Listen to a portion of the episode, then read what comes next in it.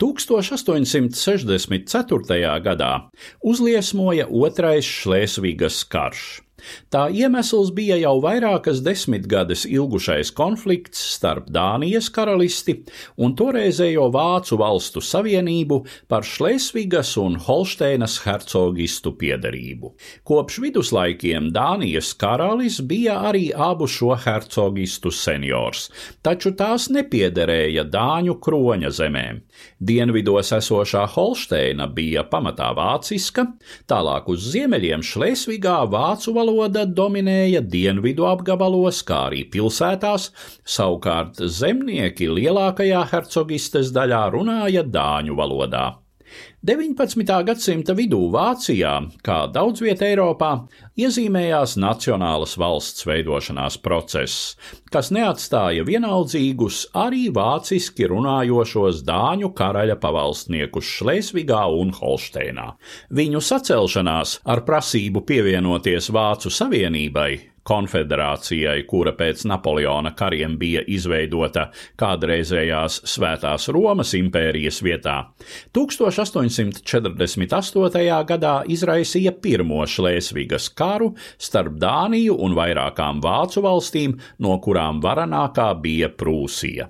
Tomēr Dāņiem šai karā izdevās nosargāt savas robežas, un abas hercogistes palika Dānijas sastāvā gan ar lielu autonomiju.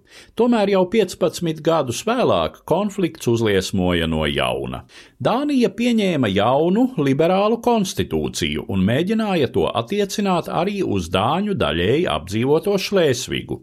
Rezultātā divas varenākās Vācu Savienības valstis, Prūsija un Austrija, pieteica Dānijai karu.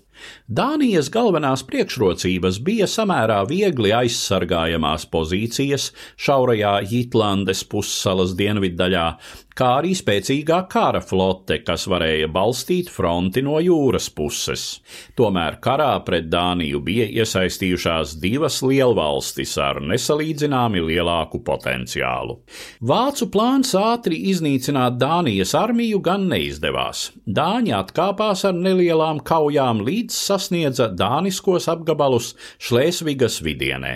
Šeit pie Dibeles pilsētiņas netālu no Baltijas jūras piekrastes notika šī kara izšķirošā kauja. Tajā pozīcijām, kuras aizstāvēja trīs dāņu brigādes, kopumā apmēram 11 tūkstoši vīru, uzbruka Prūšu armijas pirmais korpuss, apmēram 36 tūkstošu vīru sastāvā. Vāciešiem bija arī modernākas šautenes, pārsvars artilērijā. Vienīgā dāņu priekšrocība bija bruņu kuģis Rolfs Krāke, taču ar tā ugunsjaudu bija par maz, lai aizturētu Prūšu uzbrukumu. Jau pusstundu pēc kaujas sākuma pirmā dāņu aizsardzības līnija bija vācu rokās, un tikai pašaizliedzīgs dāņu 8. brigādes pretuzbrukums, zaudējot pusi sava sastāva, ļāva pārējiem dāņu spēkiem organizēti atkāpties pāri Alsfjorda šaurumam uz Alsas salu.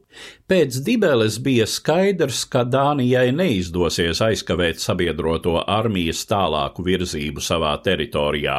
Tomēr arī sabiedrotajiem bija skaidrs, ka Dāņi var visai ilgi aizstāvēties savās arhipelāga salās, Uz Vācu valstīm zināmu spiedienu izdarīja Lielbritānija un Krievija, tomēr Dānijas vēlmei paturēt visas teritorijas, kurās bija dāņu iedzīvotāji, tas ir Šlēsvīgas ziemeļdaļu, sabiedrotie nepiekrita.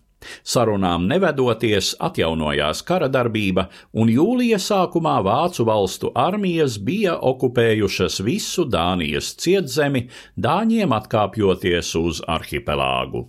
Mierlīgumu galu galā noslēdza 1864. gada oktobrī, un Dānijai nācās atteikties no abām strīdīgajām hercogistēm. Valsts zaudēja apmēram 40% teritorijas un gandrīz tikpat daudz iedzīvotāju.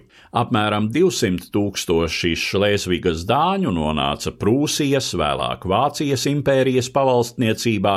Tikai pēc Vācijas sakāves Pirmajā pasaules karā Šlēsvigā tika sarīkots referendums, un dāņu apdzīvotā kādreizējās hercogistes ziemeļdaļa atgriezās Dānijas sastāvā. Stāstīja Eduards Liniņš.